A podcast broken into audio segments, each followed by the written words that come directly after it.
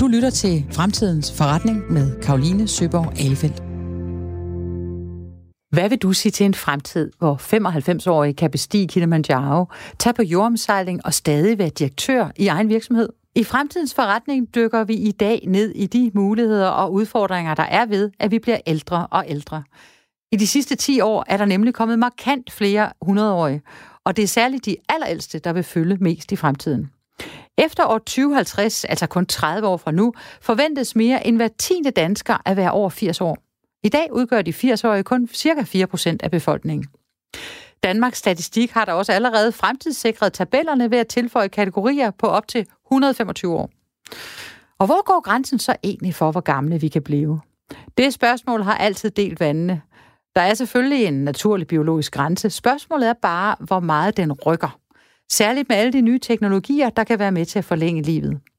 Vi kan allerede øh, nu selv med smarte digitale devices måle vores sundhedspræstationer, optimere vores søvn, mindske stress og tjekke, om hjertet slår. Altså godt nok. Men hvilke forretningsmæssige markedsmuligheder og udfordringer ligger der og venter i en fremtid, hvor vi kan blive 125 år gamle? Det dykker vi ned i i dag. Velkommen til Fremtidens Forretning. Mit navn er Karoline Søborg Alfeldt, og jeg tror på menneskets evne til at vende verdens udvikling. Du lytter til Fremtidens Forretning med Karoline Søborg Alefeldt. Vi starter med at tage os den frihed at forestille os, hvordan vores samfund kommer til at se ud i fremtiden. Det er den, vi interesserer os for her i Fremtidens Forretning. For hvem tjener penge på, at vi bliver ældre og ældre? Markedsmulighederne og vækstpotentialet for virksomheder, der udvikler bioteknologi, er kæmpestort og allerede et milliardstort marked. Og i de kommende år forudser banker og økonomer, at teknologier, der kan forlænge vores liv og øge vores sundhed, vil være et af de allerbedste steder at købe aktier, altså lige efter IT-aktier. Så hvor gunstig en fremtidig forretning er den forlængede levetid, og hvordan kommer vores fremtid og samfund til at se ud? Hvordan kommer vi til at arbejde og leve vores liv, når det i allerede 2030 vil være helt normalt for mange af os at blive over 90 år? Det er et rimelig ubarmhjertigt spørgsmål, men hvem er bedre til at spå om fremtiden end en fremtidsforsker? Derfor skal vi nu tale med Anne Skar Nielsen, der er fremtidsforsker og partner i Universal Futurist, og jeg har netop ringet til Anne. Velkommen i programmet, Anne. Tak skal du have. Og lad mig starte med at spørge dig. Hvad kan den ældre generation om bare 20 år, tror du? Hvis vi skulle sige, hvad vil forskellen i hvert fald være til den ældre generation, vi har set indtil videre, så vil de kunne gøre meget mere oprør. Vi taler faktisk om en trend i tiden, som vi kalder fra pedeller til rebeller. Og det er ikke for at sige noget dårligt fra om pedeller pedeller til rebeller. Ja, ja. det er ikke for at sige noget dårligt om pedellerne. Altså, som pedellerne selv siger, nogen skal jo være sure og lugte sved. Men vi har haft sådan en, en tilgang til verden, som var, at når man blev ældre, så kunne man bare køre på frihjul resten af sit liv. Så var det, man havde, det gik man sådan til med en pedel-tankegang. Vi fikser det, vi reparerer det, vi maler det, vi vedligeholder det. Vi skal i hvert fald ikke grundlæggende til at lave noget om. Og der ser vi sådan ret tydelig trend i tiden til, at jo ældre man bliver, jo mere vil man faktisk have lyst til at gøre oprør. Man vil begynde at bryde reglerne og ændre måden, man lever på, fordi man sådan set ikke rigtig har noget i klemme længere. Og samtidig så har vi jo en ældre generation, hvor rigtig, rigtig mange ikke vil føle sig gamle. Mm-hmm. Så man kan sige, når, når de her 68'ere, når det er dem, der begynder at blive altså, gamle, gamle, bliver de egentlig færdige med det ungdomsoprør. Og kunne det være, at der ventede et alderdomsoprør lige rundt om hjørnet?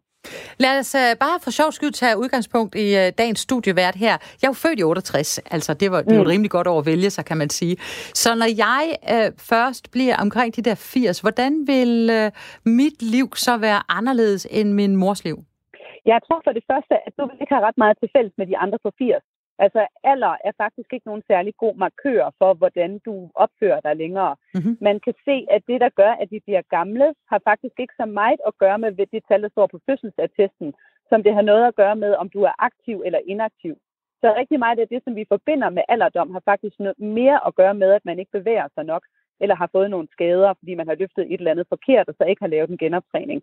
Så jeg tror, at du, øh, når du er blevet 80, vil kigge dig selv i spejlet, og så vil du tænke, gud, jeg føler mig som om, jeg er 24 år indvendig, og det kan da godt være, at jeg er blevet en lille bitte smule mere sviskeragtig at se på, men jeg føler mig ikke begrænset af min alder på samme måde, som min mor eller min bedstemor gjorde. Mm-hmm.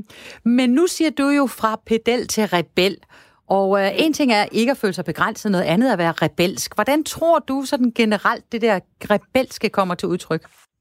Jeg tror, det kommer til udtryk i, at man med et helt konkret eksempel, så så jeg for nylig en ældre kvinde, der var gået på pension, og så havde hun øh, simpelthen valgt at hæve hele sin folkepension, flytte til Indien og lave sit eget børnehjem. Mm. det er jo ikke noget, der står i drejebogen. Nej. Og vi skal jo ikke særlig lang tid tilbage, før hvis jeg tænker på min mormor, så kan jeg høre uret tikke. Altså jeg kan høre den der i stuen. Mm-hmm. Og at den generation havde det jo faktisk sådan, at når børnene var flyttet hjemmefra, så var livet egentlig lidt slut. Det vi ser med den ældre generation, det er nu, det er, at de får den anden frihed. Altså den første frihed, det var den, før man fik børn. Nu har man så den anden frihed, som er, at nu kan jeg realisere mig selv, fordi mine børn er flyttet hjemmefra. Men den generation, som, som vi tilhører her, altså også dem, som bliver fremtidens ældre, vi vil egentlig ikke være så bange for ikke at have fået livet.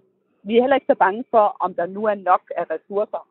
Jeg er i Jylland, som man måske kan høre. Nu kom der lige en traktor kørende her bagved. vi godt. vil faktisk være bange for, at, at det ikke gjorde en forskel. Altså, at vores liv, at vi ikke fik sat et præg, eller at vi fik sagt til verden, hej, her er jeg, jeg har et eller andet, som jeg gerne vil. Så jeg tror, at vi vil se det her med, at vi kommer op i Maslows behovspyramide, og vi begynder at realisere os selv på en anden måde. Øh, vi bliver måske gift igen, holder super fede bryllupper, når vi bliver 80, fordi at man ikke fik formået at gøre det. Eller vi begynder at bo sammen på fuldstændig anderledes måder, hvor vi bor med veninderne, eller vi bor ikke i den klassiske kernefamilie længere, fordi at vi gerne vil have og indrette os på en måde, som understøtter, at vi faktisk kan gå ud og være de mennesker, som vi gerne vil være. Kommer vi også til at arbejde som 80-årige? Jeg tror, at mange vil, øh, fordi at jeg kan også se, at der faktisk er en større grad af tilbøjelighed til, at man godt kan sige sådan nogle ting, som at man godt kunne forestille sig, at man kunne være 100 år og sidde i en bestyrelse. Altså man kunne forestille sig, at der var en vis gruppe af ældre, der bliver sådan nogle vise indianere, mm-hmm. som vi går til. I netop fordi vi finder ud af, at bare fordi du bliver ældre, er det altså ikke det samme som at være ubrugelig eller affældig. Og, og det der er, altså egentlig det der i virkeligheden er den store game changer, det er ikke, at vi bliver ældre. Menneskeheden har faktisk altid levet længe. Man kan sige det sådan lidt, lidt karikeret. Hvis vi overlevede, så levede vi.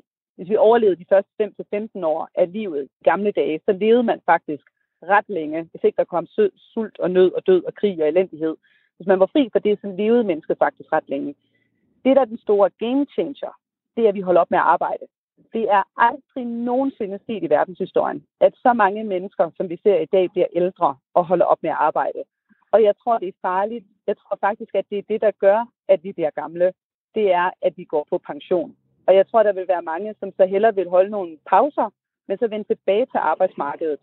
Og hvis det traditionelle arbejdsmarked så ikke er og har lyst til at tage imod den, så tror jeg simpelthen, at vi kommer til at se, at vi bidrager til fællesskab på mange andre måder. Om det nu er at være frivillig i lokalsamfundet, eller det måske er at starte sin nye multinationale øh, Mouse House nummer to, når man bliver 80, fordi hvorfor skulle du holde op med at spotte nye markeder, eller se nye muligheder, eller have lyst til at sætte dit præg på verden, bare fordi du er blevet ældre? Jeg har da store forventninger til dig, Ja, ja det er godt, Anne, og tak. Vejen, og, og, i lige og højt. Ja, tak skal du have. Jeg skal lige tilbage til det der, du siger om øh, pensionist, eller pen, pensionisttilværelsen som en anomali i tiden. Altså, er, ja. det, et, er det sådan et industrisamfunds øh, fænomen, det der med pensionen, eller hvad er egentlig, øh, ved du det? Altså, hvornår begyndte vi egentlig at behandle de ældre som pensionister? Vi begyndte at behandle de ældre som pensionister i starten af, af industrisamfundet, og sådan op til omkring depressionen i USA. Faktisk så brugte man pensionen til at tvinge de gamle ud af arbejdsmarkedet, så man kunne få plads til de unge. Det var, var jo en tidspunkt i verdenshistorien, hvor arbejdsmarkedet ikke havde det særlig godt. Og man var faktisk nødt til at tvinge de gamle med penge for at få dem til at forlade arbejdsmarkedet. Hmm. Eleanor Roosevelt, som jo øh, var, en, var en fantastisk kvinde på rigtig mange måder, hun er faktisk en af ophavskvinderne til begrebet, der hedder mental elasticitet, hvor man begyndte at køre kampagner, blandt andet sammen med det, der hedder Mayo Clinic, for at overbevise amerikanerne om, at når de nåede til et vist tidspunkt i deres liv, så var hjernen blevet strakt så mange gange, at den simpelthen havde mistet sin elasticitet. Og så måtte man hjernevaske folk til at forstå, at du har jo fortjent, altså nærmest sådan en loyal reklame, because you are worth it. Nu har du knokkelarbejdet så meget, og fy for satan, hvor har det dog været urart for dig at være på det her arbejdsmarked.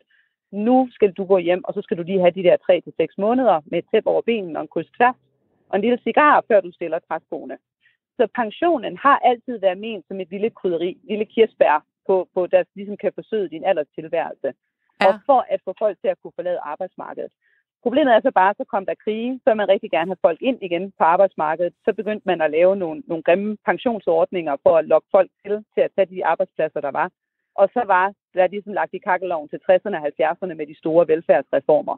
Så, så pension er det at få en udbetalt en pension et sted fra, er faktisk sådan et kuriosum i verdenshistorien.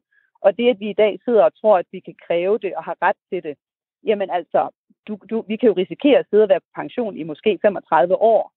Altså det, det, man skal jo ikke være ret meget fremtidsforsker eller økonom for at kunne sige sig selv, at det har vi jo ikke råd til.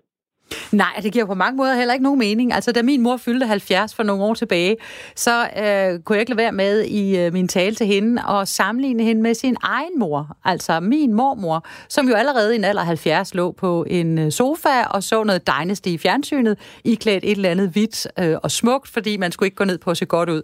Men min ja. mor, som 70-årig, hun arbejdede der stadigvæk, altså fuld gang ja. i alt muligt. Det gør hun jo stadigvæk, hun er 78. Så jeg tænker, ja. der er sket meget. Øhm, så, så tror du, det bliver vanskeligt, øh, Anne, at sælge den til øh, alle os, der er på vej mod øh, pensionsalderen på et eller andet tidspunkt, at vi skal blive ved med at arbejde, eller tror du, det bliver en befrielse, at vi kan blive ved med at arbejde? Jeg vil da håbe og drømme om, at vi kunne se på arbejdet ikke som en straf, jeg synes jo desværre nogle gange, at vores politikere snakker om arbejdet, som om det er en straf. Det gælder om at slippe for så hurtigt som overhovedet muligt. Og at det, det er der selvfølgelig nogen, der har det. Altså, det, det kan godt være, at man har været lægesekretær, eller man har været pædagog, eller man har været virksomhedsleder, og man bare tænker, jeg kan simpelthen ikke rumme det mere. Nu trænger jeg bare til at blive fri for det her. Så bliver problemet jo så bare igen det med, at så vil man jo længes til noget andet. Og jeg tror ikke, at det vi nødvendigvis længes til, flertallet af menneskeheden, det er at sidde parkeret og, og netop til Dynasty i resten af vores liv. Jeg tror, vi, vi sander til. Det er den største frygt, langt de fleste mennesker har, det er, at der ikke er nogen, der har brug for mig. Mm, så jeg kunne godt tænke mig, at vi snakkede, ja, at man snakkede om arbejde som det sted, hvor vi skaber værdi for hinanden, men at arbejde også kan være mange andre ting. Altså arbejde kan også sagtens være at være bedstefar og lave en bedstefarskole for, for, de, for vejens børn. Og det kan også være at være bestyrelsesmedlem, og det kan også være at være frivillig. Og altså, det, det kan være at, at tage til Indien og starte et børnehjem, som du nævnte før. Ja. Anne, ja. Øhm, øhm, lad os lige springe over og se på, hvad er det for nogle forretningsmuligheder? Det er jo det, vi interesserer os for det her program. Hvad er det for nogle forretningsmuligheder, mm. som en aldrende befolkning giver? Jeg elsker Warren Buffett for at sige, at han investerer, han meget hellere investerer i møblerne i IT, fordi han er helt sikker på, at alle de der gamle mennesker, de skal sidde ned et eller andet sted. Har han sagt det? Ej, det er jo da fantastisk. Ja, Warren Buffett som i den, øh, den store amerikanske investor. Ja, ja. Ja, ja. altså jeg synes, det er så befriende, det der med at sidde og kigge på, jamen altså, hvad vil man egentlig selv have brug for? Øh, og noget af det, som vi ikke vil have, det er jo de her produkter, som i, altså, det her med, at man bliver stigmatiseret. Altså det, at der, der bliver puttet i en kategori, hvor du bliver mindet om, at du er gammel. Så for eksempel vil der ikke være et marked for stokke, men der vil være et rigtig stort marked for vandrestave. Der vil ikke være et marked for, du ved, sådan nogle øh, grimme briller, der får dig til at virke som om, at du er gammel med tyk glas på, men der vil være nogen, der giver dig super syn, sådan at du også kan bruge dem, når du skal kigge efter, du ved, damer over på den anden side af fjorden. Ja. Så, så nogle, nogle produkter, der, der kan opretholde illusionen om, at vi ikke er gamle. Og så tror jeg også, at meget vil blive meget mere det, der hedder gamificeret. Hvis man øh, kan huske sådan noget som Pokémon Go. Pokémon Go fik jo folk af huse, altså mennesker, der ikke bevægede sig før, var pludselig ude at gå, jeg tror omkring 12 milliarder kilometer, hvis man talte dem alle sammen sammen. Så tror jeg, at alt det, der understøtter og løfter os i forhold til, at vi får bevæget os mere, at det bliver sjovere at lære, at meget af det, som vi gerne vil, bliver understøttet ved hjælp af en eller anden form for teknologi. Jeg tror, der er super mange penge i.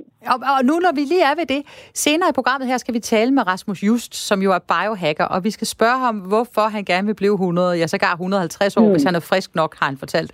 Ham møder vi som sagt senere, hvor vi også fortæller meget mere om, hvad biohacking er for en størrelse. Men Anne, ser du en tendens til, at flere vil bruge den teknologi, der er til rådighed for, til at leve længere? Altså, har ja. vi nogle grænser i forhold til det der? Ja, ja. Jeg, jeg tror igen, der er ikke sådan en one size fits all. Jeg tror, der er rigtig mange forskellige mennesker. Altså, jeg vil personligt egentlig hellere tegne en dødsforsikring, end jeg vil leve til at blive 120. Altså, jeg vil faktisk rigtig gerne have, at jeg kunne lave en dødsforsikring, sådan at du kom, Karoline, og, og holdt puden over hovedet på mig, hvis jeg lå i en hospitalseng, havde tabt alle, alle tænderne, og, og min hjerne var faldet ud. Så ville jeg faktisk hellere bare dø. Og mm. det med, at vi, at vi holder hinanden i live, på grund af en eller anden mærkelig gammeldags værdighedsdiskussion. Det tror jeg, vi kommer til at stille nogle større krav til i forhold til, at vi ikke nødvendigvis vil have et langt liv, men vi vil have et godt liv. Vi vil Mm. have et rigt liv. Så hvis jeg skulle ønske mig én ting, så ville jeg så gerne have, at vi får indrettet vores samfund, så vi kan holde pauser gennem tilværelsen, i stedet for at tage den store pause til sidst. Og hvis man så samtidig kan understøtte det ved hjælp af noget biohacking, sådan at vi får det her, der hedder early warning. Altså hvis vi nu vil vi have en chip skudt ind, så vi kan få at vide, hvis vi er i farezonen for at blive smittet med sådan noget som covid-19, når opgraderingen kommer til næste år, ikke? Mhm. Covid-22, Co- Covid-20, mener du? ikke? Ja, ja. ja. her covid-20. altså man så allerede der kan se, jamen, at jeg, nu skal jeg blive hjemme, eller at jeg skal sørge for at spise mere spinat, eller jeg skal gå en tur en time om dagen. Sådan at, at det, der jo i dag egentlig er forbeholdt velstillede, veluddannede mennesker, det er, jo, det er jo os, der har indsigten i, hvad er, det, der skal, hvad er det, vi skal gøre for at leve det her såkaldt gode liv. Og vi har pengene til at kunne investere i det, og vi har energien og overskuddet til at holde hinanden til tæerne. Det kan vi demokratisere. Altså det Mm. kan vi gøre meget mere udbredt, sådan at det ikke er noget, vi nødvendigvis behøver at tænke over. Det er bare noget, der bliver puttet ind i vores hverdag. Mm.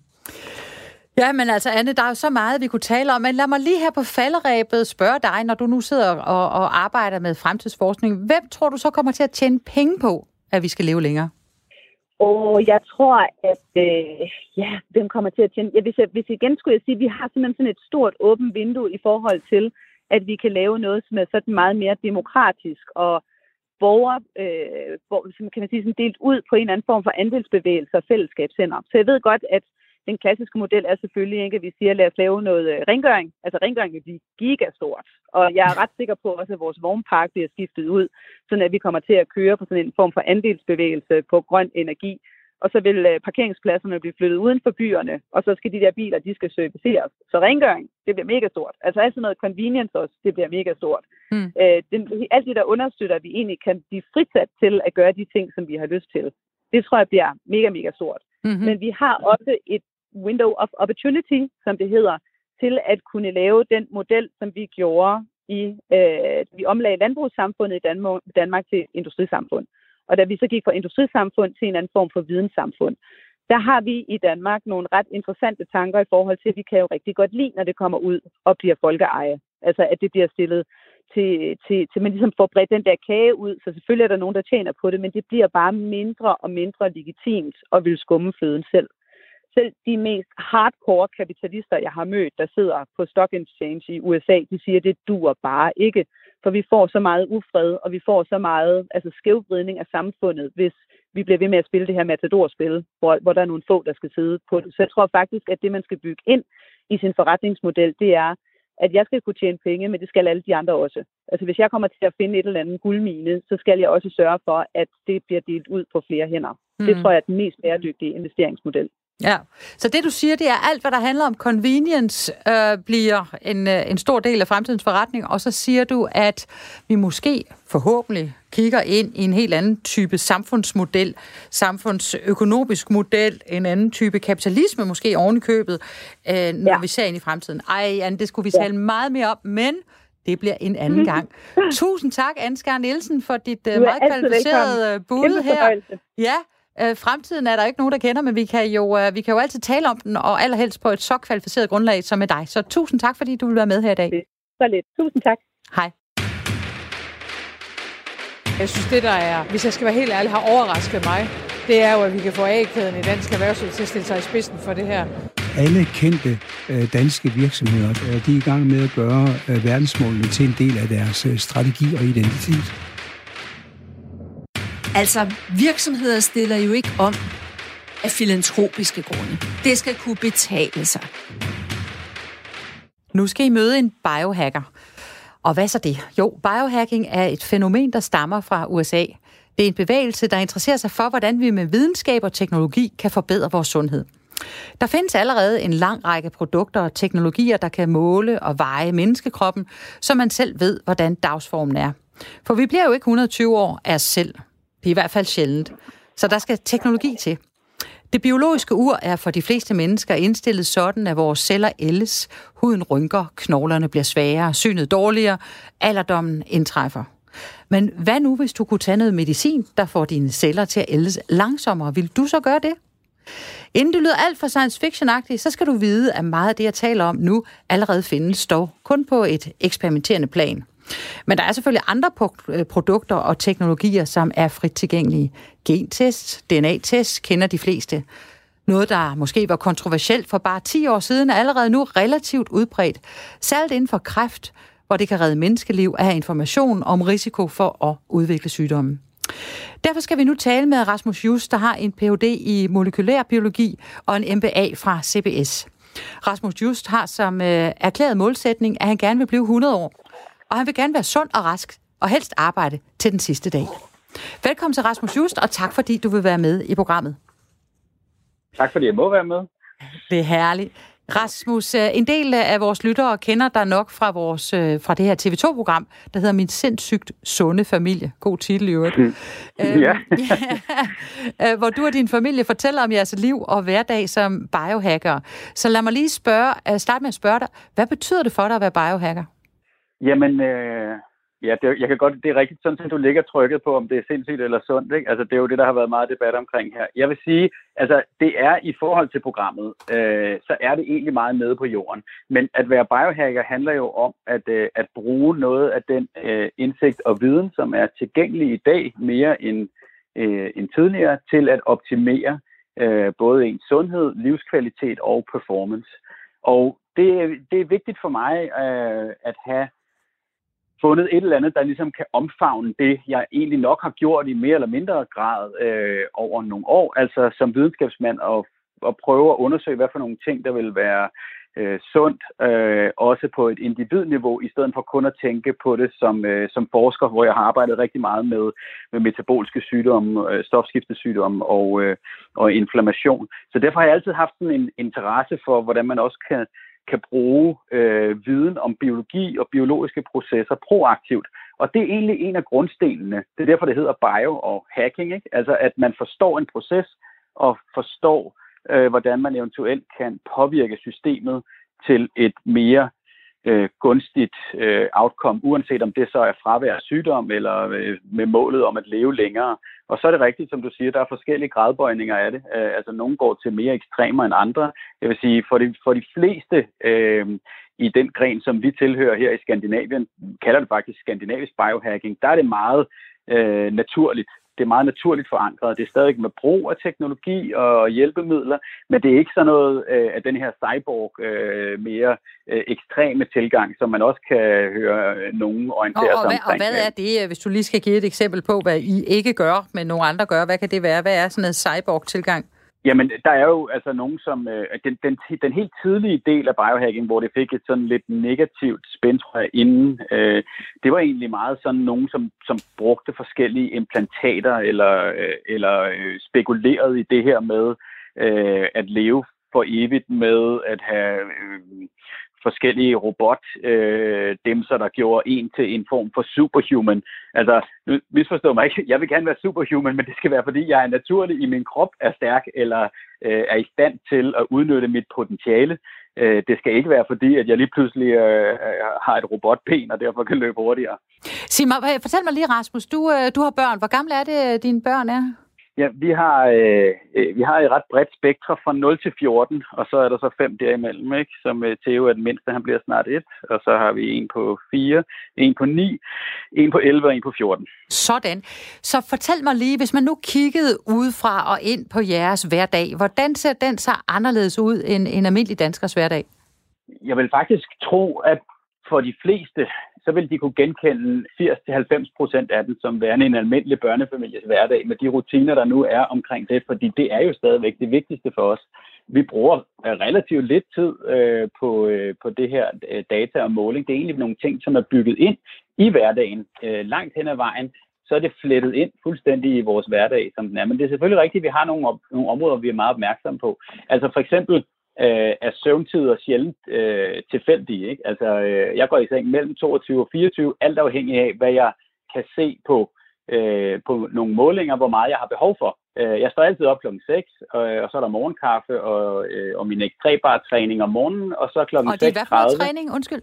Jeg bruger, øh, jeg bruger det elastiksystem, øh, som er sådan et variabelt modstandstræningssystem, jeg kan træne med herhjemme eller okay. udenfor. Som, ja. så, ja, så min træning er overstået om morgenen, øh, inden jeg vækker børn. Mm. Så jeg træner 10, 10 minutter hver dag. Og det er der nogen, der synes, jamen det er jo, er, er det ikke alt for effektivt og kun fokuseret på resultatet?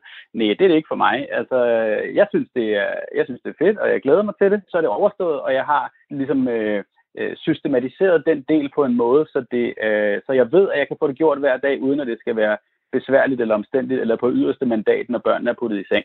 Ja, med fem børn vil jeg også sige, så er, øh, så er det flot en overhovedet at kunne få 10 minutter ind. Så det, det kan jeg godt forstå. Ja. ja. ja. Det jeg hørte dig sige, det er, øh, du får dit nattesøvn, du får din morgentræning, du har en fast øh, rutine, du har lært, hvad det er, der er godt at spise, du spiser rigtig mad, Øh, og det gør, at du har sådan i stort, i stort og hele, så har du den energi, der skal til for, at du også kan få øh, noget ud af din aften. Yes. Ja. Hvad er det? Øh, lad os lige kigge lidt på øh, det, du så laver om aftenen, hvor du sidder og kigger på øh, øh, din anden forretning, altså det, der ikke er dit dayjob. Hvad er det, du laver der? Jeg har en, en portefølje af investeringer, som jeg passer der. Øh, det ene af dem er for eksempel et, øh, en virksomhed, vi har i familien her, som jeg driver sammen med min kone og min svigerforældre og et par investorer. Øh, det hedder også Strong. Det er det her knogletræning, du også så måske i, i udsendelsen, hvor jeg har stærke knogler. Jamen det er det er øh, grundlæggende den forretning. Det er en teknologi, vi har hentet ind fra USA. En ny teknologi, man kan bruge til mekanisk at stimulere, at knogler bliver stærkere, så man kan øh, principielt øh, forebygge eller foregå, øh, at man udvikler nogle af de her øh, sygdomme senere i livet, som er relateret til afkalkning af knogler. Det kan man træne sine knogler til øh, at være bedre i stand til at modstå med, øh, med den her teknologi. Og det har jeg selv brugt og fået vildt gode resultater ud af. Og det, det er jo sådan en, øh, en forretning, der kræver øh, også en del... Øh, vi har en masse medlemmer her i vores forretning på Østerbro, og, øh, og det kræver en del arbejde. Ja, det kan jeg Ellers så har jeg, ja. så har jeg typisk øh, øh, det, at jeg, jeg kigger øh, efter at vurdere nye øh, spændende teknologier, for om det er noget, der er interessant at investere i. Og øh, træningsaggregatet, jeg, jeg snakker om før, det er jo blandt andet en af dem. Øh, jeg har et, øh, jeg er bestyrelsesformand i et, et firma, som er ved at udvikle en, øh, en, øh, en Alzheimer-lampe, vi kører i kliniske studier. Det hedder Optosutics, øh, kommer ud fra DTU, men er egentlig et spin-out fra et amerikansk universitet, UC Berkeley. Det arbejder vi på at, at køre frem Og som altså som kan modvirke Alzheimer med et bestemt lys? Ja. Ja, så det er, det er, et, øh, det er en opfindelse, som er, øh, kommer fra, fra UC Berkeley Universitet i Kalifornien, som har vist, at den kan øh, i dyremodeller modulere øh, Øh, neuroimmunsystemet, og især nogle celler, der hedder mikroglia, nu bliver det teknisk, men det er dem, der er de primære celler, som, øh, som bremser inflammationsprocesser i hjernen. Og det er noget af det, der er rigtig vigtigt, når man udvikler de her øh, alderdomsrelaterede eller øh, sygdomme, som er relateret til øh, metaboliske imbalancer øh, over tid, altså hvor der, hvor der samler sig sådan nogle proteiner i hjernen, som gør, at, øh, at nogle bestemte områder i hjernen simpelthen øh, går i stykker over tid og taber deres funktion. Og det ved man jo, at man kan, øh, hvis man kan opdage det i, i tide, og man kan sætte ind i tide med noget, som er øh, opstrøms, som siger, altså forebyggende, jamen så har man en mulighed for at påvirke udfaldet af det, øh, så man ikke nødvendigvis øh, udvikler det her øh, funktionstab øh, i hjernen. Og det er vigtigt, hvis man vil blive gammel. Ja. Og derfor har jeg også kastet min kærlighed på det projekt, øh, og nu været øh, sammen med en, en flok meget dygtige biologer og ingeniører fra henholdsvis Danmark og USA ude og rejse penge til det. Øh, det har vi gjort af flere omgange nu, og øh, nu er vi så klar til at starte de, øh, de kliniske studier med, øh, med den her lampe. Det er et vildt spændende projekt, og jeg tror, det har et kæmpe potentiale. Det har da et kæmpe potentiale. Det er da vanvittigt virkelig. Er der andre sådan nogle break must, eller must break not, som det jo hedder på godt jysk. Altså, er der andre øh, teknologier, du kigger på? De, måske de er lidt for tidlige til at gå ind og investere i, men hvor du tænker, om en 4-5 år eller om 10 år, der skal jeg gå ind i det her område. Altså, hvad, hvad sidder du, for den stol, hvor du sidder, ja. hvad, er så det, hvad bliver så de næste store ja. landvindinger? Ja, men der er helt klart, altså der er ligesom tre ben, øh, eller tre områder, jeg ser som værende noget, der er up and coming, øh, og øh, der er det her, øh, jeg snakker om, med at gå mere opstrøms, altså at være mere proaktiv og rykke fra at gå øh, mere øh, sådan akut medicinsk til værk med at behandle sygdommen, og så søge mere, og man kan komme opstrøms i processen og forebygge noget. Det er en stor trend. Men der er også en anden en, som er rigtig stor, som handler om at demokratisere data. Øh, der foregår rigtig meget øh, innovation på det øh, område i øjeblikket. To gode eksempler er øh, både øh, i mit corporate job arbejder vi på det, øh, på ALK med at lave sådan en øh, hjemmeallergitest, øh, som går ud igennem et digitalt univers, vi har udviklet, der hedder Clarify Me, hvor man så får øh, mulighed for, i stedet for at skulle til lægen, for at finde ud af, hvad man er allergisk over for, jamen, så får man mulighed for simpelthen at køre den test hjemme og få svar og sin øh, lægefeedback på den test.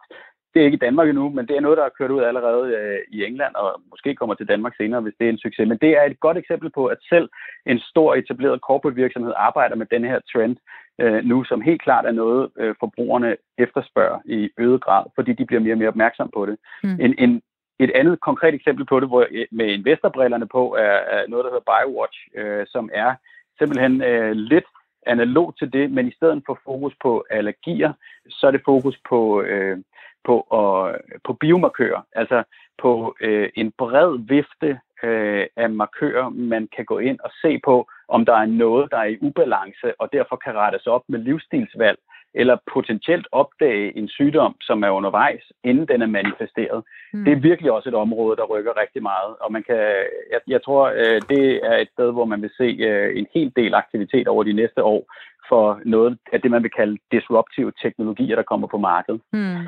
Og den sidste ting handler meget om effektivisering. Ikke? Altså moderne mennesker har brug for, øh, at, øh, at tingene bliver øh, nemmere, mere tilgængelige, og at man i et eller andet omfang øh, kan ligesom øh, få sin motion eller få sin, øh, øh, sin sundhed lidt mere on demand. Altså, og der er et konkret eksempel, altså sådan noget som øh, øh, ekstræerne en, men altså Whoop for eksempel, jeg ved ikke, det er også en ting, jeg tester i øjeblikket, altså hvor man har denne her som man tidligere havde i personlige trænere, det havde man simpelthen bygget ind i sådan en, øh, en Fitbit nu, hvor man har mulighed for at have en person i den anden ende, som giver en feedback på det, man laver, og om det er optimeret. Så det er ligesom, det er ligesom skaleret op på en måde, hvor folk øh, kan få on demand øh, det her, man tidligere måske skulle ned i et fitnesscenter for at få med en personlig træner. Det synes Ej, jeg også er vildt spændende. Ja, men det er da helt vildt spændende. Rasmus, vi er ved at løbe tør for tid, så jeg prøver lige at opsummere mm. her. Jeg hører dig sige, at du kigger øh, på områder inden for forebyggelse, øh, altså det, du kalder opstrøms, så er der det der mm. med at demokratisere data, altså få adgang til mange flere data, så er der BioWatch, altså at, at have en, et virkelig et, et stærkt kig ind på, hvordan processerne i kroppen fungerer, og så er der effektivisering. Og det er ja. jo altså bare øh, fire radioprogrammer hver at kigge på hver af dem. Så du kan være ret sikker på, ja. at vi ringer tilbage til dig igen, ja. Rasmus. Jeg vil gerne og sige dig... være så velkommen. Tak skal du have. Tusind tak, fordi øh, du, var, øh, du var med, og, øh, og vi glæder os til at, at følge din rejse fortsat. Tak fordi jeg måtte være med. Selv tak.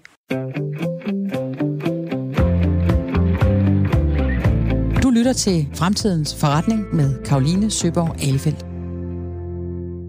Nu zoomer vi endnu mere ind på forretningsmodellerne og markedsmulighederne ved, at der allerede nu er teknologier på markedet og entreprenante startups, der er ved at have produkter klar, så vi som forbrugere selv kan holde øje med vores sundhed og dermed måske leve længere. Men hvem sidder lige nu og arbejder på, at vi som mennesker fremover kan foretage en masse test af os selv, udenom de etablerede lægehuse og tracker og have data på vores egen sundhed?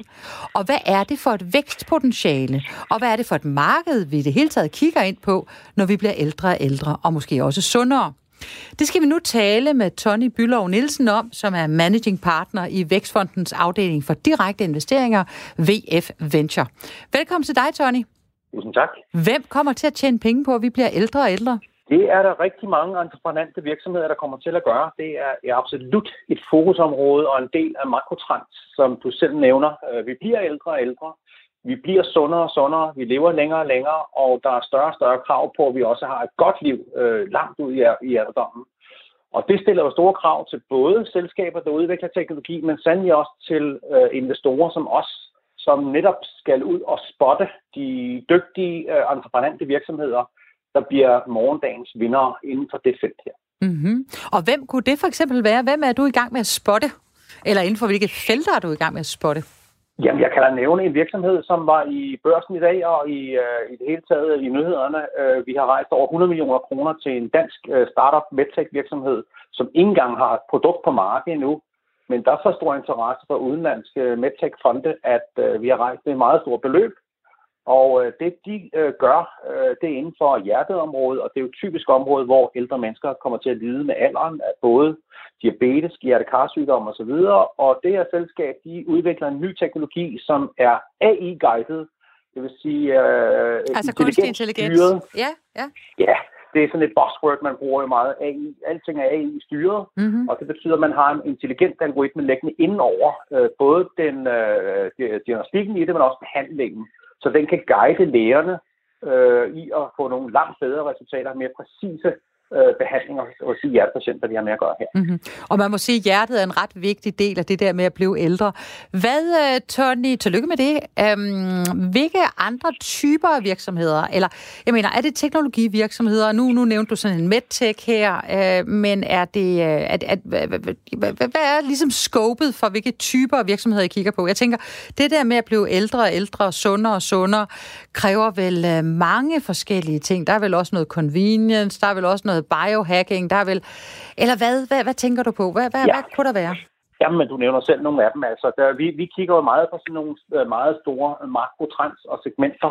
Øh, nu har vi nævnt AI, men sådan noget som det, man kalder på godt dansk wearables, altså det, som vi alle sammen ser folk rende rundt med et ur, hvor man kan måle hjertefrekvenser og lungefunktion, og hvor langt går vi, løber vi, mange etager. Og det er jo sådan en, en typisk, at man får flere og flere fysiologiske parametre over i sportsmedicinen, altså det folk bare kan købe ur, og så monitorere sine egne data og så styre sin egen sundhed på den måde. Og det gør jo altså også, at, øh, at øh, der er rigtig mange teknologivirksomheder, som kan udvikle både inden for det medicinske felt, men også inden for sportssegmentet for eksempel. Mm-hmm.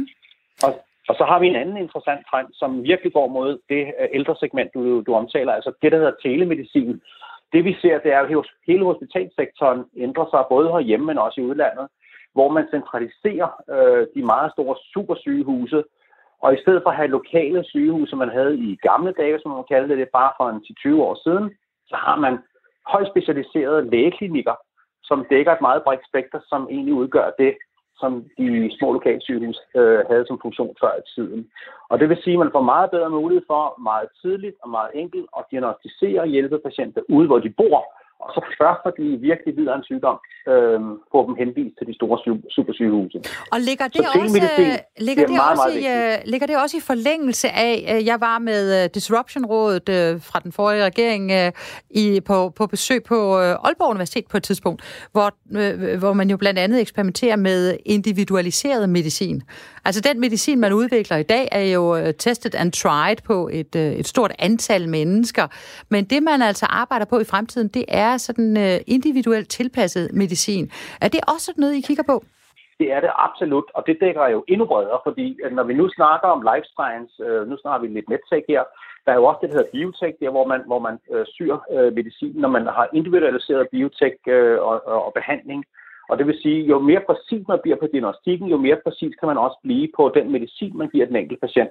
Så vi ikke bare alle sammen skal have kodimagnyt, men have en meget specialiseret øh, medicin, og det bliver man også i stand til og, øh, inden for de kommende år at øh, udføre. Og det er også teknologivirksomheder, vi kigger efter at investere i. Mm-hmm. Og, øhm, ja, og har, du, har, du, har du flere varer på hylderne, var jeg lige vil at sige? Er der, er der andre øh, områder, du kigger på? Jamen, vi kigger øh, meget bredt på, på morgendagens vinder inden for andre teknologiområder her, og øh, vi har også nogle ting, vi har underlagt andre øh, teknologier. Hvis nu vi kigger på 5G, som der er jo meget op i tiden også, altså det at mobil kunne sende data, det gør, at vi også kan, kan pushe hele den her teknologifront ud til patienterne, hvor de bor, i stedet for at have dem ind på sygehusene. Vi kan overføre data ret hurtigt, og vi kan monitorere uanset hvor du er henne af. Øh, og det vil sige, at vi kan levere en mulighed for en meget bedre sundhed og en tidlig alarmering og en diagnostisering ud hos patienten, der gør, at man kan også forudsige hændelser, der kommer øh, længere hen til 20 år fremme, og dermed behandle folk øh, profilaktisk. Det lyder spændende. Øhm, Tony, hvis du skal prøve at, at tegne et billede af øh, vækstpotentialet her, hvor, hvor stort et vækstpotentiale ser du så øh, for dig, og, og hvordan lægger vi til herhjemme i Danmark? Er, er vi godt med? Altså, vi har jo en meget lang og stolt tradition inden for det medicinske. Jeg kan bare nævne uh, Novo Lundbæk inden for det klassisk medicinske område. Vi har Ambu uh, radiometer inden for, for medtech-området. Vi har 10.000 mennesker, der arbejder dagligt inden for de områder her. Uh, så vi har alle kortene på hånden til faktisk at blive morgendagens vinder inden for både det medicinske, biologiske og det medicinsk-tekniske. Og øh, vi rejser milliarder øh, hvert år inden for den sektor her, og, øh, og vi har gode fonde som selv, som os selv, som, øh, som virkelig øh, ser det som vores største opgave at få trukket så meget udenlandsk kapital til Danmark for at være med til at sætte morgendagens vinder øh, inden for den, de typer teknologier. Og netop det der med den udenlandske kapital, det plejer jo at være en, øh, en meget god markør for, øh, hvad skal man sige, vores øh, konkurrenceevne inden for, for, øh, for forskellige områder. Og hvordan går det med det der med at tiltrække udenlandsk kapital? Jamen, vi er blevet bedre og bedre øh, generelt i Danmark til at tiltrække udenlandsk. Vi er meget, meget dygtige, når det kommer til de øh, europæiske fonde, øh, som virkelig har set øh, Skandinavien og Danmark som et brohoved for, for både inden for, for, for biologi og for medicin og inden for, for medtech. Men, og vi arbejder meget intens på forskellige initiativer inden for det amerikanske, for at de også får øjnene op for, øh, for, for Europa og specielt Danmark.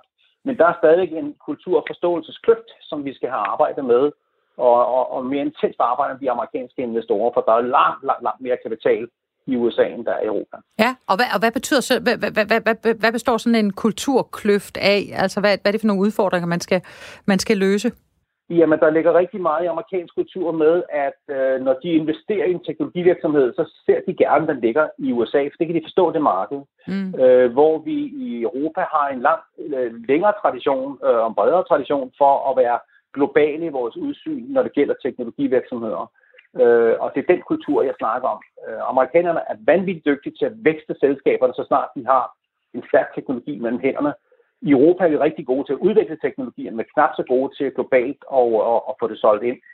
Øh, så hvis vi kan få symbiosen af de to, dynamikker, så har vi jo absolut vinder, og det er det, vi arbejder meget intens på. Det lyder godt. Tony, lad os prøve øh, med al den viden, du har, og alt det, du sidder og kigger ind i øh, øh fra, din, øh, fra din stol i, øh, i VF Venture, altså i Vækstfonden.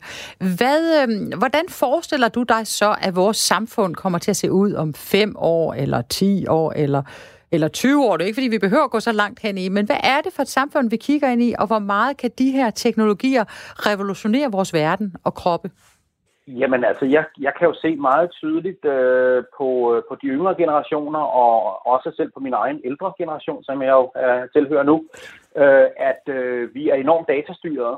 Øh, vi er utålmodige. Vi accepterer ikke nødvendigvis, at, øh, at vi kommer uforberedte op til lægen. Det kender vi alle sammen. Vi vil godt forberede os. Vi vil godt google sygdomme og sygdomsmønstre og indikationer, så vi har, er meget klogere. Og jeg tror, fremtidens mennesker vil være øh, ekstremt datastyret. De vil vide meget om deres egen krop, om deres egen sygdomme, om de data, de genererer og monitorerer, og, øh, og dermed også bedre kunne forudsige, øh, om man lever et godt og sundt liv.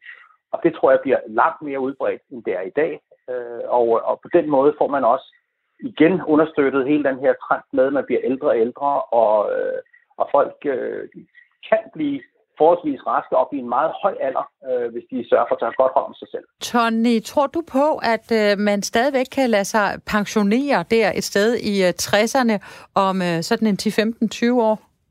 Nej, det tror jeg ikke. Øh, det ved jeg ikke heller, hvorfor man skulle. Altså, jeg er selv i 60'erne, og jeg har absolut ingen intention om at lade mig pensionere i 60'erne og 70'erne. Jeg synes, at verden er spændende, og det, jeg laver, er spændende, og øh, øh, så længe at jeg selv har et, et godt helbred og en, en god, øh, et godt virke.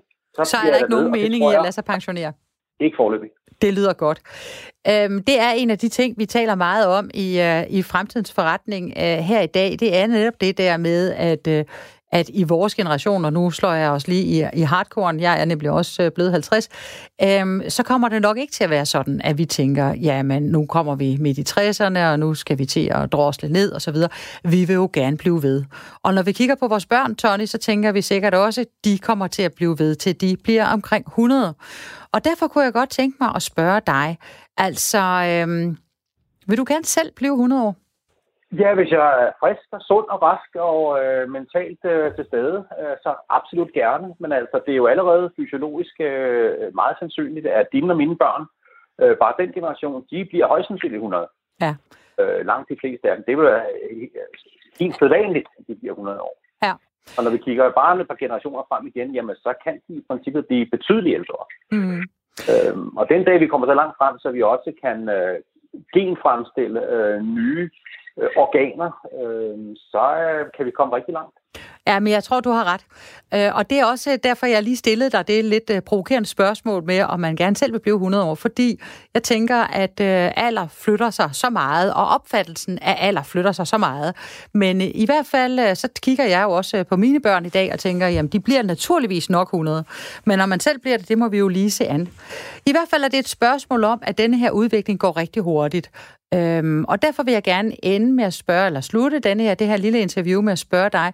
Tror du, at det her allerede inden for et par år, altså de her ting, du sidder og kigger på, bliver big business, eller hvad er fremtidsperspektiverne forretningsmæssigt i, at vi lever længere? Jamen altså, øh, netop det emne, du rører ved individualiseret øh, medicin, øh, det er et, øh, et potentielt øh, mål, som ikke ligger så mange år ude i fremtiden. Øh, vi begynder allerede at have nogle af de basale teknologier til at kunne forudsige sygdomme, som kommer til at ske om 10-20 år, og man har en overhyppighed inden for, for, for visse øh, sygdomme, som kan være fatale. Øh, når det bliver mere hverdagseje, og man kan begynde at, øh, at uh, tilbyde det til rigtig mange mennesker, jamen så åbner det jo op for, at vi netop vi alle sammen kan blive behandlet for det, vi først måske kommer til at lide af om 20 og 30 år, og det vi måske kommer til at dø af. Så dermed åbner det jo muligheden op for, at øh, vi kan blive alle sammen øh, ganske gamle.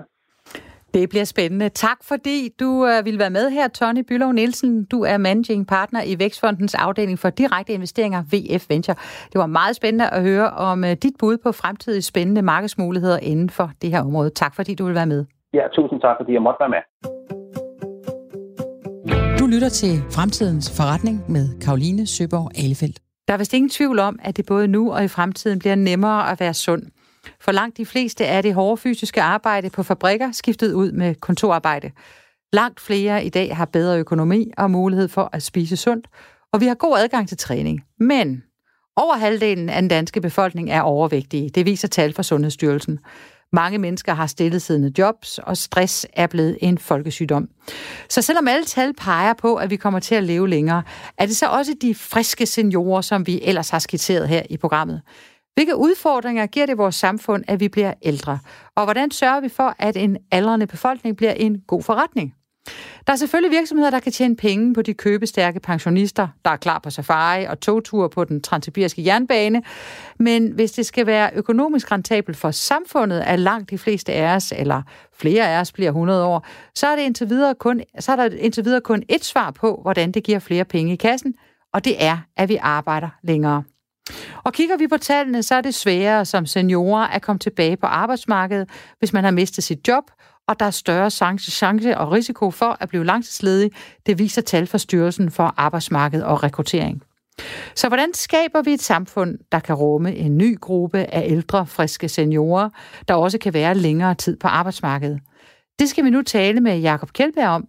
Jakob Kjeldberg er professor og programleder for sundhed på VIVE, det Nationale Forsknings- og Analysecenter for Velfærd. Hej Jakob Kjeldberg, tak fordi du vil være med i programmet. Selv tak da. Er, øh, er det en god forretning for samfundet, at vi bliver ældre? Altså grundlæggende set er det en udfordring, når vi bliver ældre, fordi an, på et tidspunkt så forlader vi arbejdsmarkedet, og, og meget af den aldring, der sker, er jo øh, noget, der, hvor man så ikke er på arbejdsmarkedet. Og så forbruger man. Man forbruger øh, offentlige velfærdsgoder, mm, og så kan man selvfølgelig også forbruge noget af sit eget opsparet forbrug. Men det skaber jo ikke så meget velstand. Så, så det er grundlæggende set en udfordring, vi bliver ældre, hvis vi ikke også arbejder mere. Så det er med andre ord ikke en god forretning for samfundet, at vi bliver ældre i dag med den indretning af samfundet, som vi har? Altså, der er jo lavet nogle reformer, hvor der er en kobling mellem stigende pensionsalder og levetid. Og det er jo netop for at tage højde for, at når vi bliver ældre, så bliver vi simpelthen nødt til at være længere tid på arbejdsmarkedet. Ellers så hænger regnestykket simpelthen ikke sammen. Mm. Så, så det er jo sådan set taget højde for fremadrettet, hvis vi så faktisk bliver lige så meget længere på arbejdsmarkedet, som vi bliver ældre. Men de seneste mange år, så har der været en stigende middellevetid, uden at vi skulle være længere tid på arbejdsmarkedet. Og så øh, presser man altså de offentlige finanser. Du har lige udgivet en rapport, der undersøger de økonomiske aspekter og sundhedsudfordringer ved, at vi bliver ældre. Hvad er det, I er kommet frem til i, øh, frem til i, øh, i rapporten der? Jo, det er jo sådan, når man skal fremskrive, hvor mange sundhedsudgifter man skal bruge i fremtiden, så er der jo mange ting, man kan regne ind. Noget af det er jo selvfølgelig, at øh, folk i fremtiden, en 75 år i fremtiden, måske bruger mindre sundhedsydelser, fordi de er mere friske. Og så går vi ind og analyserer, hvordan er det så gået, hvis vi kigger tilbage, hvordan er det så faktisk gået. Og der er det ikke sådan, at de øh, de ældre, som ville, som ville forvente at være blevet friskere, de bruger færre sundhedsydelser tværtimod. Det er faktisk den ældre generation, der har trukket hele stigningen i vores sundhedsomkostninger de sidste 10 år. Og det skyldes, at man bruger mere af alt muligt. Det er ikke bare sådan dyre medicin til hjerte eller kræft. Det er en generel øget efterspørgsel. Så den der idé om, at bare fordi man måske bliver raskere, at man så også er billigere, det kan vi simpelthen ikke genfinde. Snart mm-hmm. tværtom. Det, øh, det, det lyder som om, at det kræver en øh, politisk øh, intervention øh, på et eller andet tidspunkt. Hvad vil du anbefale politikerne at gøre ved, ved, det, ved den konklusion, du når frem til her? Jamen, der er jo grundlæggende to måder. Inden så tilfører man sundhedsvæsenet flere penge, og det kan man jo vælge politisk set at vægte de forskellige sektorer i samfundet lidt anderledes, så man kan følge med den her øgede efterspørgsel og den her øgede innovation, der ofte er rettet mod de ældre patienter. Ellers så bliver man jo nødt til at prioritere hårdere, og det vil så sige, at en række af de her dyre behandlinger, som folk gerne vil have, eller folk, der gerne vil have en række undersøgelser og tester, diagnoser osv., jamen det vil man måske så være mere påpasselig med at give i fremtiden. Der er jo sådan set kun de to muligheder. Enten at give nogle flere penge, eller sige nej til noget mere. Mm-hmm. Så vil jeg bede dig om at kigge lidt ind i uh, krystalkuglen. Hvad er dit bud på, hvordan vores samfund kommer til at se ud om 20 år? Jeg tror ikke, at samfundet nødvendigvis ændrer sig lynhurtigt, men der er en række ting, vi kommer til at omstille os. Øh, der bliver noget med den måde, vi leverer sundhedsydelser på, for eksempel. Der, der kan mere ske digitalt. Så er det jo en måde at prøve at tage toppen af nogle af de her øh, omkostningsbyrder. Det er i stedet for at skulle se noget personale, så kan man måske se nogle teknologiske løsninger, hvor man bliver bedre til at differentiere, hvem er det, der egentlig skal have yderligere kontakt med sundhedsvæsenet, og hvor det egentlig er overflødet. Så det er jo sådan noget der, hvor man kan, kan arbejde mere med det. AI, altså kunstig intelligens med lignende, vil være nogle af de redskaber, vi får. Men hvis vi ser sådan på den grundlæggende formidling af ydelser, altså der er jo så det, det kan man gøre med folk, der er sådan rimelig raske, men når folk bliver rigtig syge, så er det også rigtig svært at bruge de her løsninger, og så er det måske nogle andre teknikker, man kan bruge, men noget mere fjernovervågning og den slags, der er mindre personalintensiv. Så teknologisk så får vi nogle spring, men når jeg sådan tror, når vi sådan ser 20 år tilbage om 20 år, så vil meget i sundhedsvæsenet stadig være baseret på kontakter og folk, der er i sygehusseng. Det er ikke sådan, at hele verden for forandrer sig fuldstændig på 20 år, men der vil klart ske en større brug teknologi. Mm. Nu er tanker jo tolvfri, øh, Jakob, og selvom du er i, i radioen, og der kommer til at være en forhåbentlig mange mennesker, der lytter med her, hvad skulle så alligevel være dit bud 20 år langt frem i, i tiden på, hvad pensionsalderen vil være om 20 år? Jamen, det kan man sådan spørge øh, vismændene om stort set, fordi man har jo ret gode kurver for, hvor, hvor, øh, hvordan levetiden udvikler sig, og der er allerede implementeret reformer, hvordan den udvikler sig. Jeg kan ikke huske præcis, hvordan den er om 20 år, men jeg mener, at jeg har slået min egen pensionsalder op til, at den er flyttet sig fra de nuværende 65 til, til at man skal være 70 år, når jeg rammer pensionsalderen om en 25 år. Så det, det er jo det, det er lav, at man, man flytter tingene. Okay, så du tænker, det er ikke vildere end det? Nej, men det er da nu også ganske meget, at man flytter sin pensionsalder fra 65 til 70 år på en enkelt generation. Mm. Øh, det er da betydelig, så at sige, forandring i den mm. måde, vi tidligere har levet på. Nu er vi så øh, lige ved det der femårsgab, øh, så det du også siger, det er, at øh, vi skal nok arbejde længere. Øh, faktisk er det den eneste mulighed, der er, sådan som jeg hører dig øh, øh, udlægger det, du siger. Lige nu, når vi kigger på tallene, så ser det ikke ud, som om vi er særlig gode til at fastholde den gruppe, af, der er fyldt 60 på arbejdsmarkedet. Og mister man sit job i en sen alder, så er det også svært at komme tilbage. Det skal vi jo blive bedre til, hvis en aldrende befolkning ikke skal blive en dundrende underskudsforretning for samfundet. Hvordan, hvordan tror du, man skal gå til den opgave? Det er en stor udfordring, og altså, de senere år har der været en fin stigning i pensionsalderen, men, men generelt har vi da en udfordring med, at, at folk, der er ældre, der falder ud af arbejdsmarkedet, hvordan får man dem tilbage, hvordan undgår man at se på en, der er 62, som en, ah, de er lige på vej ud af arbejdsmarkedet, der er måske 10 år til, at de så at sige skal være ude af arbejdsmarkedet. Og det er jo en, en, en omstilling, der både gælder arbejdsgiver, men jo også som arbejdstager at man skal være villig til at prøve så at måske ligge nogle flere timer og lægge noget mere energi, hvis øh, også når man er ældre. Altså der er jo to sider i det. Vi har ikke øh, svarene på det, men det er klart, et rummeligt arbejdsmarked, det er utrolig vigtigt, hvis man mm. også skal fastholde flere. For der er jo en bagside i alt det her, at øh, vi har faktisk bare rigtig meget op, så vi kan sådan imødegå den her udfordring med de flere ældre, så mange af os har enormt store pensionsopsparinger. Selv, som gik tidligt ind på arbejdsmarkedet, har jo en ret stor pensionsopsparing. Så hvis arbejdsmarkedet ikke er sjovt, når jeg er 65, så kan jeg jo bare vælge at gå. Så det skal både være sjovt og attraktivt at være på arbejdsmarkedet, også som ældre. Til allersidst her i programmet vil jeg gerne øh, stille dig et uh, lidt mere øh, filosofisk spørgsmål.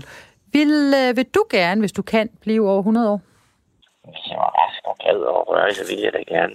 Uh, hvis jeg var sådan, at jeg ikke kunne noget, eller sad på et plejehjem og havde demens, så tror jeg ikke, det ville. Mm. Så det er et spørgsmål om, hvordan man har det, og ikke nødvendigvis, hvor gammel man er. Sådan. Livskvalitet er alligevel det, der gælder. Tak, Jacob Kjeldberg. Tak, fordi du vil være med her i, øh, i programmet i dag. Velbekomme. Du lytter til Radio 4. Det var fremtidens forretning for denne uge. Tak, fordi du lyttede med. Skriv endelig ind med bud på andre gode historier til os på fremtidens forretning at radio4.dk. Programmet her kan genhøres her på kanalen kl. 19.05 i aften, eller på podcast, når det passer dig. Tak til min tilrettelægger, Anna Stribold Rigas, og til redaktør Lene Julbrun. Vi høres ved næste uge. Tak for i dag.